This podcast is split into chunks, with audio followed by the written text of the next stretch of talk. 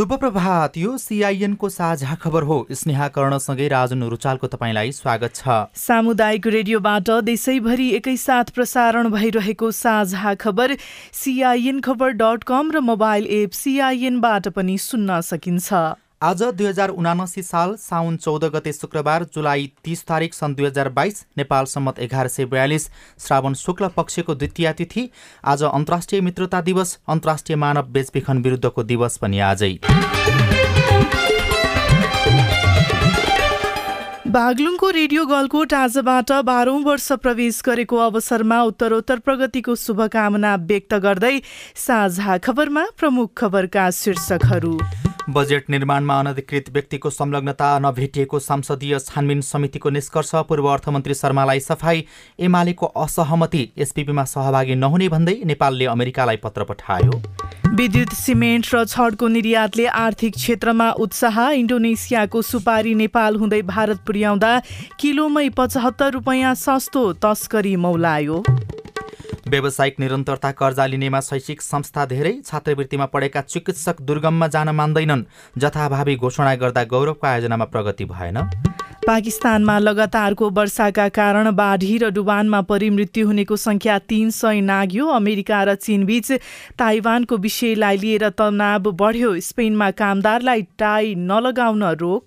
र स्कटल्यान्ड विरुद्धको दुई खेलको टी ट्वेन्टी सिरिज न्युजिल्यान्डलाई।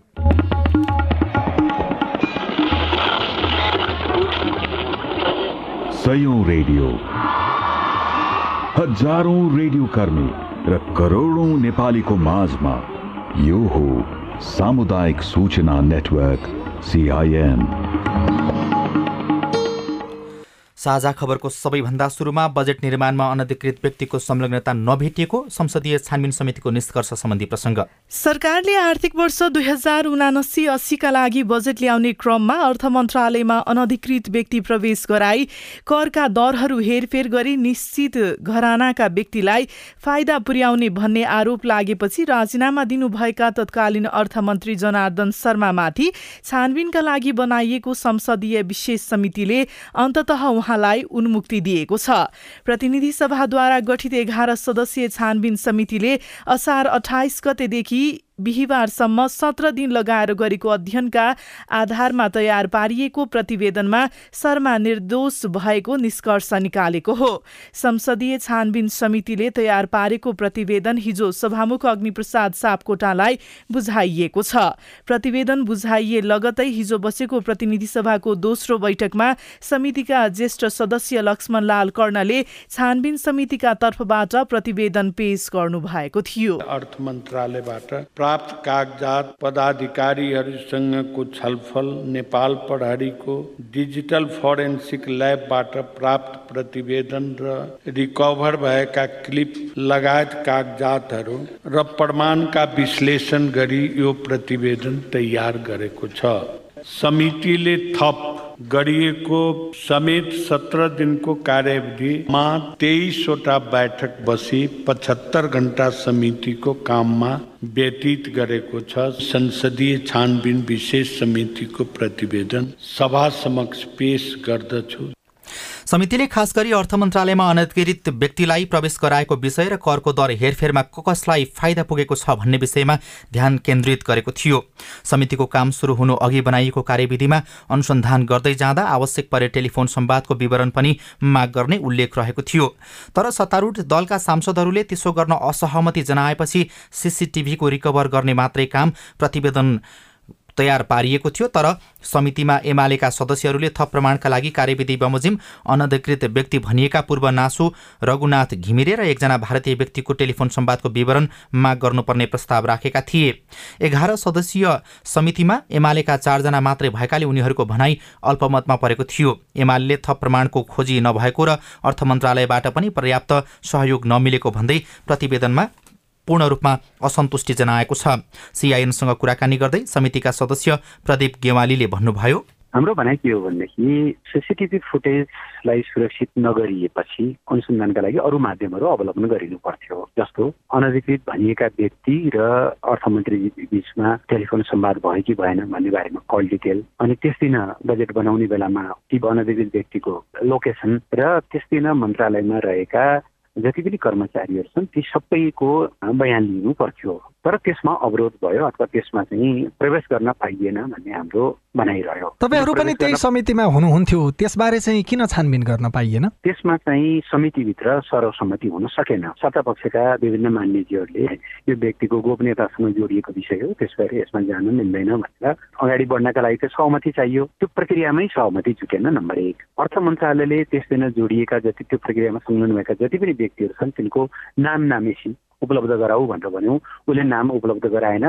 त्यसपछि को को थिए त्यो अन्तिम दिनमा राति को को थिए उनीहरूसँग सोधपुछ गर्ने सम्बन्धित व्यक्तिहरू नै हामीले उनीहरूको नामावली नै पाउन सकेनौँ होइन? अनुसन्धानका काम नै अधुरो रहे। त्यसले गर्दाखेरि अधुरो अनुसन्धानबाट जे निष्कर्ष उहाँले निकाल्नु भएको छ त्यो निष्कर्ष सही होइन। अपराध अनुसन्धानमा चाहिँ पोख्त विज्ञहरू सहितको चाहिँ समिति बनाएर यो अध्ययन चाहिँ गर्नुपर्छ। अहिले जे जति तथ्य प्राप्त भए अथवा जे जति हामीले अध्ययन गर्यौँ त्यतिको आधारमा चाहिँ कोही अनधिकृत व्यक्ति प्रवेश गरेकै थिएन भनेर चाहिँ निष्कर्ष निकाल्न मिल्दैन भन्ने हाम्रो भनाइ हो।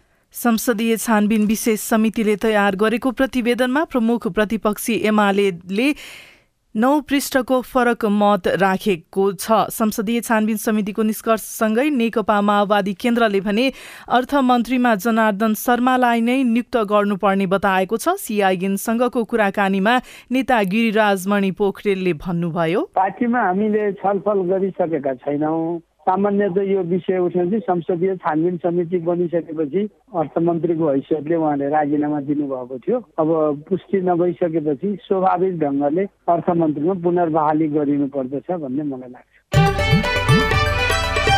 नेपाल सरकारले परराष्ट्र मन्त्रालय मार्फत अमेरिकी सरकारलाई औपचारिक पत्रचार गरेर स्टेट पार्टनरसिप प्रोग्राम एसपिपीमा सहभागी नहुने जानकारी गराएको छ।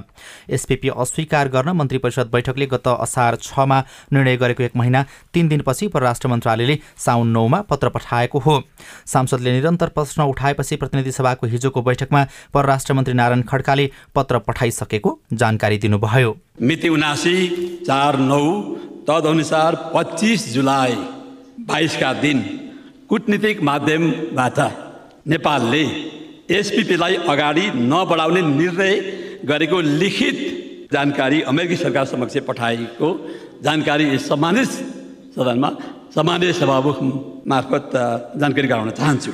पत्रचारको विषयमा आन्तरिक परामर्श आवश्यक भएकोले यो पत्रचार हुन केही समय लागेको हो। काठमाडौँ स्थित अमेरिकी दूतावासका एकजना अधिकारीले पनि नेपाल सरकारबाट एसपिपी अस्वीकार गर्ने सम्बन्धको पत्र प्राप्त भएको पुष्टि गरेका छन्। दूतावासका पब्लिक अफेयर्स प्रमुख ग्यारेट विल्सन करले विल्कर्सनले यो विषयमा पुष्टि गरेको बताइएका बताएको छ। हामीले एसपिपीको सम्बन्धमा नेपाल सरकारबाट आधिकारिक लिखित सन्देश प्राप्त गरेका छौँ उहाँले भन्नुभएको छ। हामी एसपिपीमा सरकार नेपालको निर्णयलाई बुझ्छौँ र पूर्ण रूपमा पूर्ण रूपमा स्वीकार पनि गर्छौं। नेपाली र अमेरिकी सेनाबीच जारी संयुक्त सैन्य अभ्यास र सहकार्यमा भने कुनै असर नपर्ने पत्रमा प्रश्न पारिएको छ। एसपिपी सम्बन्धमा हाम्रो सहकार्य हुँदैन तर विपद व्यवस्थापन लगायत अन्य विषयमा नेपाललाई अमेरिकाको सहयोग चाहिन्छ र द्विपक्षीय रूपमा दुई देशका बीचमा सेनाहरूको अभ्यास र सहयोग आदान प्रदान जारी रहोस् भन्ने हाम्रो आग्रह रहेको छ परराष्ट्र मन्त्रालयका एकजना अधिकारीले भनेका छन्। नेपाली सेनाले भारतीय चिनिया र अमेरिकी सेनासँग द्विपक्षीय अभ्यास गर्दै आएको छ। पाकिस्तान बेलायत र अन्य मुलुकका सेनासँग पनि नेपाली सेनाका प्रशिक्षणका कार्यक्रम चल्दै आएका छन्।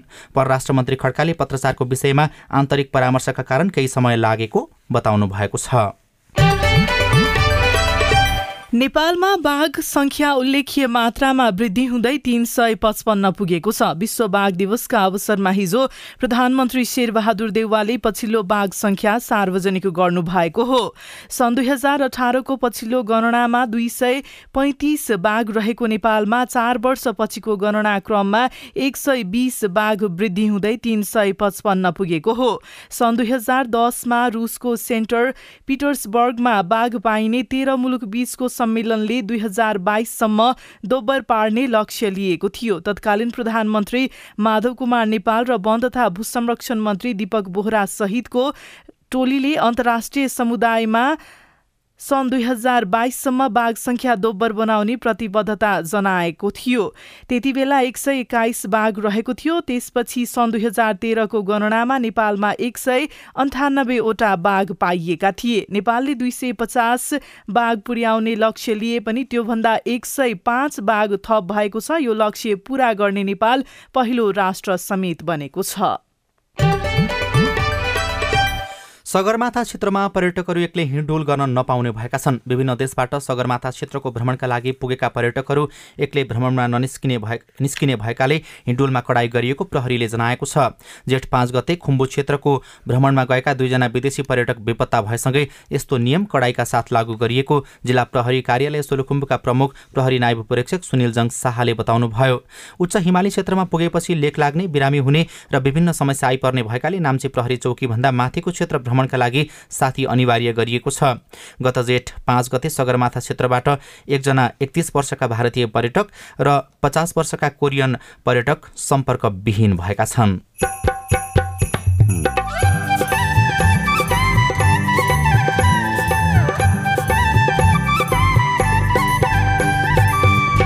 सामुदायिक सूचना नेटवर्क सिआइएन मार्फत देशभरि प्रसारण भइरहेको साझा खबरमा बजारीकरणमा समस्या भोगिरहेका उद्यमीको स्थानीय सरकारसँग अपेक्षा। आइटीसँग रिलेटेड नयाँ नयाँ टेक्नोलोजीहरू हामीलाई उत्पादन गरिदिनु भयो भने हाम्रो प्रोडक्सन पनि धेरै हुन्थ्यो होला। व्यापारीहरू पनि नहुने। आफ्नो क्षेत्रमा पनि सबै चाहिँ बिक्री नहुने अवस्था बजारको चाहिँ समस्या। व्यावसायिक निरन्तरता कर्जा लिनेमा शैक्षिक संस्था धेरै छात्रवृत्तिमा पढेका चिकित्सक दुर्गममा जान मान्दैनन्। लगायतका खबर बाँकी नै छन्। सिआइएनको साझा खबर सुन्दै गर्नुहोला। मम्मी खाजा। मम्मी मेरो होमवर्क गर्ने कापी। बुहारी एकदम खुट्टा दुख्यो। बुहारी चिया खान मन लागेको थियो। बुढी कपडा मैलो भएछ। अरे मेरो परिवार भर्खरै सुनेको संवाद तपाईँलाई कस्तो लाग्यो? यही संवादलाई फेरि एकपटक यसरी सुनौ न है। मम्मी खाजा आज म बनाउँछु। मिठो बनाउँछु है। मम्मी मेरो होमवर्क गर्ने कापी मैले खोजिसके। अब म होमवर्क गर्छु। बुहारी एकदम खुट्टा दुख्यो। छोराले तेल तताएर लगाइदिएपछि अलि आराम भयो। बुहारी चिया खान मन लागेको थियो। सबैको लागि बनाएको छु। आऊ सबैजना खान। बुढी कपडा मैलो भएछ। घर नि कस्तो फोहोर। कपडा धोएर भ्याए। अब घर सफा गर्छु। कोरोनाको महामारीबाट बस्न पनि त सरसफाइ जरुरी छ नि। आहा मेरो परिवार। तपाईँलाई दोस्रो संवाद कस्तो लाग्यो? पक्कै राम्रो लाग्यो। हो तपाईँ हामी बीच जिम्मेवारी बोध भयो भने एक अर्का बीचको निकटतालाई अझ राम्रो बनाउन सकिन्छ। बाढी चोडी जिम्मेवारी परिवारमा समझदारी। महिला बालबालिका तथा ज्येष्ठ नागरिक मन्त्रालय युएन वुमन ल्याक र अकुराबको सहकार्य।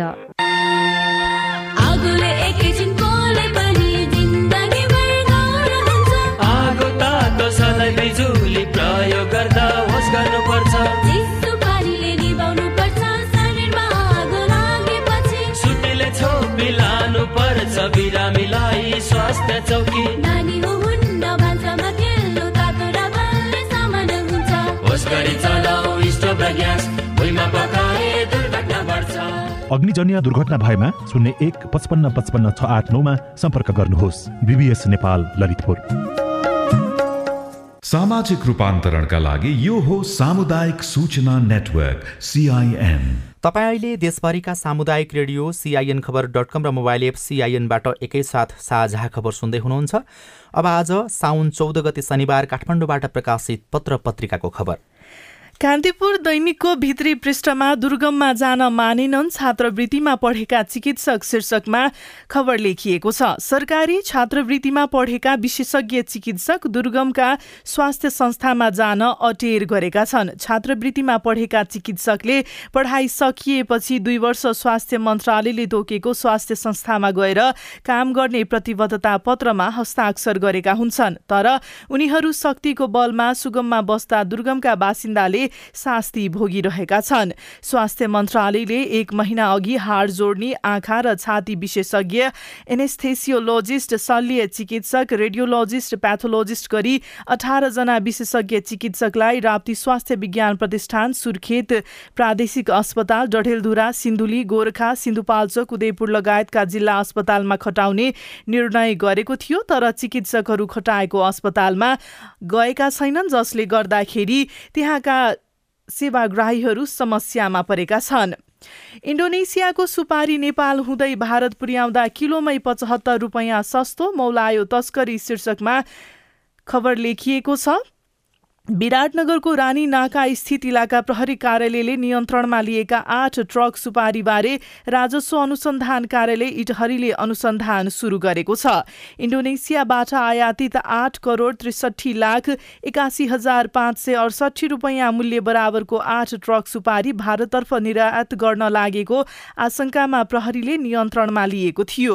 प्रहरीले दुई लाख उन्नाइस हजार पाँच सय छयानब्बे किलो सुपारी हिजो राति नियन्त्रणमा लिएर कारवाहीका लागि उक्त कार्यालयलाई बुझाएको छ। सुपारीको उत्पत्तिको प्रमाणपत्रका कागजात जाँच्ने काम भइरहेको कार्यालय प्रमुख अनुसन्धान अधिकृत तीर्थराज खनालले बताउनुभयो।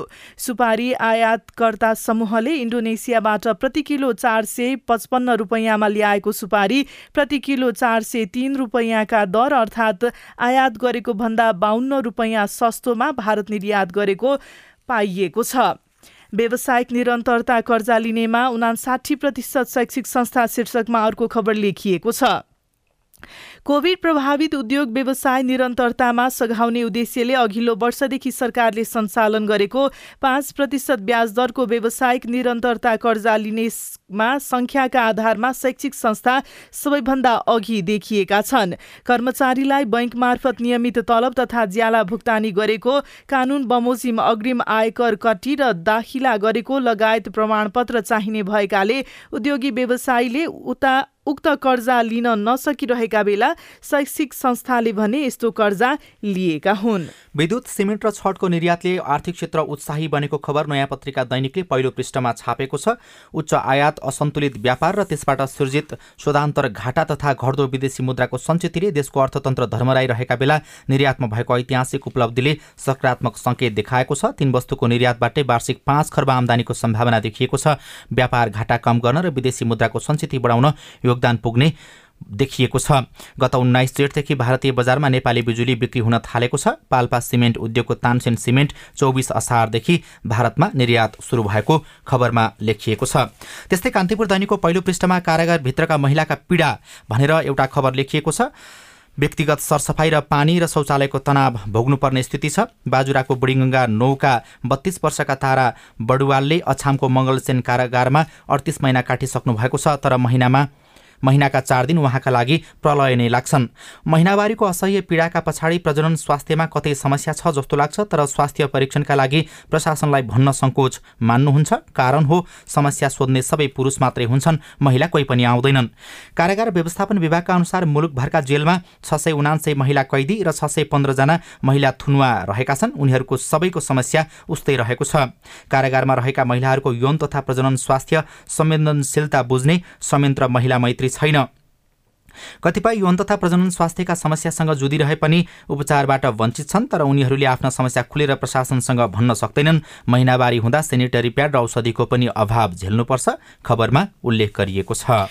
गोर्खापत्रको पहिलो पृष्ठमा बाहिरी चक्रपथ विकास आयोजना सम्पर्क कार्यालय बन्द शीर्षकमा खबर लेखिएको छ। सतुङ्गल स्थित बाहिरी चक्रपथ विकास आयोजनाको साइट कार्यालय बन्द भएको छ। सो आयोजनामा कार्यरत करार ज्यालादारी र अस्थायी कर्मचारी समेत हटाइएका छन्। चालु आर्थिक वर्ष दुई हजार उनासी अस्सीमा कर्मचारीको म्याद थपिएको छैन। यसअघि आयोजना सुरु भएदेखि नै हरेक छ छ महिनामा उनीहरूको म्याद थपिँदै आएको थियो। विगत अठार महिनादेखि कागजमा सीमित रहेको आयोजनाको साइट कार्यालय र स्थायी बाहेकका कर्मचारीको म्याद थप नभएपछि राज्यको मासिक लाखौँ रुपैयाँ जोगिएको छ। साझा खबरमा अब हेलो सिआइएन अविनाश आचार्यबाट। नमस्कार म भोक्तान फुटसिल गाउँपालिका एकदेखि महेश बहादुर घरसे मगर बोलेको हो। यो हाम्रो भोक्तान एक सिमचोर छिरिखानको वन अतिक्रमण भयो भन्ने घर टाढा हटाउने भन्ने सूचना आएको थियो। यो के साँचो हो? जवाफ दिँदै हुनुहुन्छ डिभिजन वन कार्यालय डोटीका प्रमुख रामचन्द्र कणेल। धन्यवाद महेश बहादुरजी। खास के छ भने नेपाल सरकारको पोलिसी भनेको नयाँ वन अतिक्रमण नदिने हो। अब नयाँ बनाउनु भएको ठाउँमा चाहिँ हटाउनलाई सूचना जारी गरिएको होला हाम्रो चाहिँ सब कार्यालयबाट। राज्यको नीति भनेको अतिक्रमण हुन नदिने र पुरानो अतिक्रमण पनि कस्तो साह्रै त्यसलाई चलाउँदै जाने हो। र नीति भनेको नयाँ बनाउँदैन हुन नदिने त्यही नै हाम्रो सरकारको नीति रहेको छ। र डिभिजन मन्त्रालय ड्युटीको पनि त्यही नीति रहेको छ। नमस्कार कर्णाली प्रदेश नम्बर छ दहीको आडबिस नगरपालिका साइबाट म बप्लु नेपाली हो। भन्न त हामी गणतन्त्र लोकतन्त्र देशमा आयो भन्छौँ तर अहिलेसम्म नेपालमा छुवाछुतको कायमी प्रथा रहेको छ। त्यसैले सरकारले अरू विधेयक ल्याएर पास गर्छ त्यसरी छुवाछुत अन्त्य गर्नको लागि कुनै विधेयक ल्याएर मार्फत पास गर्न सकिन्छ कि सकिँदैन। बपुलजी नेपालमा जनआन्दोलन पछिको पुनर्स्थापित व्यवस्थापिका संसदले दुई हजार अडसट्ठी जेठ दस गतेका दिन जातीय भेदभाव तथा छुवाछुतको कसुर र सजायको सम्बन्धमा व्यवस्था गर्न बनेको विधेयक दुई हजार अडसट्ठी पारित गरेको थियो। त्यसपछि संसदले दुई हजार त्रिसठी साल जेठ एक्काइस गते नेपाललाई छुवाछुत मुक्त राष्ट्र घोषणा गरिसकेको छ। त्यसैले जातीय आधारमा हुने छुवाछुत अहिले पनि कानुन विपरीत हो। नमस्कार म वीरबहादुर बोल्दैछु भैतडी जिल्ला सिगास गाउँपालिका वार्ड नम्बर सातबाट। भैतडी जिल्ला र बझाङ जिल्ला बिथडचिर गाउँपालिकामा नेट राम्रोसँग चल्दैन। फोर जी मोबाइलमा पनि फोर जी कनेक्सन दिँदैन। यो समस्या पहिला जस्तो थियो उस्तै छ। तपाईँको समस्या हामीले नेपाल टेलिकमका प्रवक्ता रञ्जित लोहियालाई सुनाएका छौँ। दुवै ठाउँमा फोर जी छ सिगासमा पनि छ बिथर सिरमा पनि छ।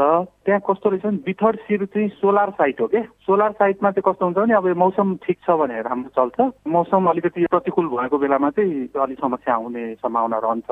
बिथर सिरको केसमा चाहिँ सिगासमा चाहिँ तिन चार दिनदेखि चाहिँ अलिकति नचल्या हुनुपर्छ। पहिला राम्रै चलिरहेको थियो।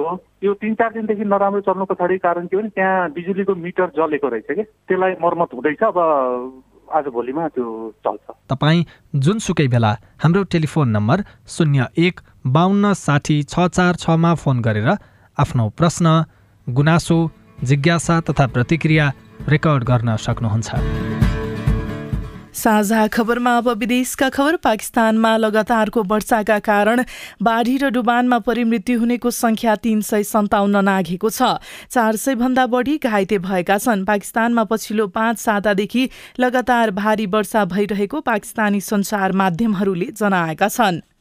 ताइवानको विषयलाई लिएर अमेरिका र चीनबीच फेरि तनाव सुरु भएको छ। अमेरिकी प्रतिनिधि सभाका सभामुख न्यान्सी पेलोसीले ताइवान भ्रमण गर्ने योजना अघि सारेको भन्दै यस विषयमा तनाव उत्पन्न भएको हो। चीनले यस्तो भ्रमणलाई अगाडि बढाएमा अमेरिकाले गम्भीर परिणाम भोग्ने चेतावनी समेत दिएको छ र स्पेनमा बढ्दो गर्मीका कारण सार्वजनिक र निजी क्षेत्रका कामदारहरूलाई टाई लगाउन रोक लगाइएको छ। स्पेनका प्रधानमन्त्री पेड्रो सान्चेजले बढ्दो गर्मीमा शरीरको ऊर्जा बचतका लागि टाई लगाउन रोक लगाइएको आह्वान गर्नुभयो। स्पेनमा यस वर्ष अत्यधिक तापक्रम मापन गरिएको छ।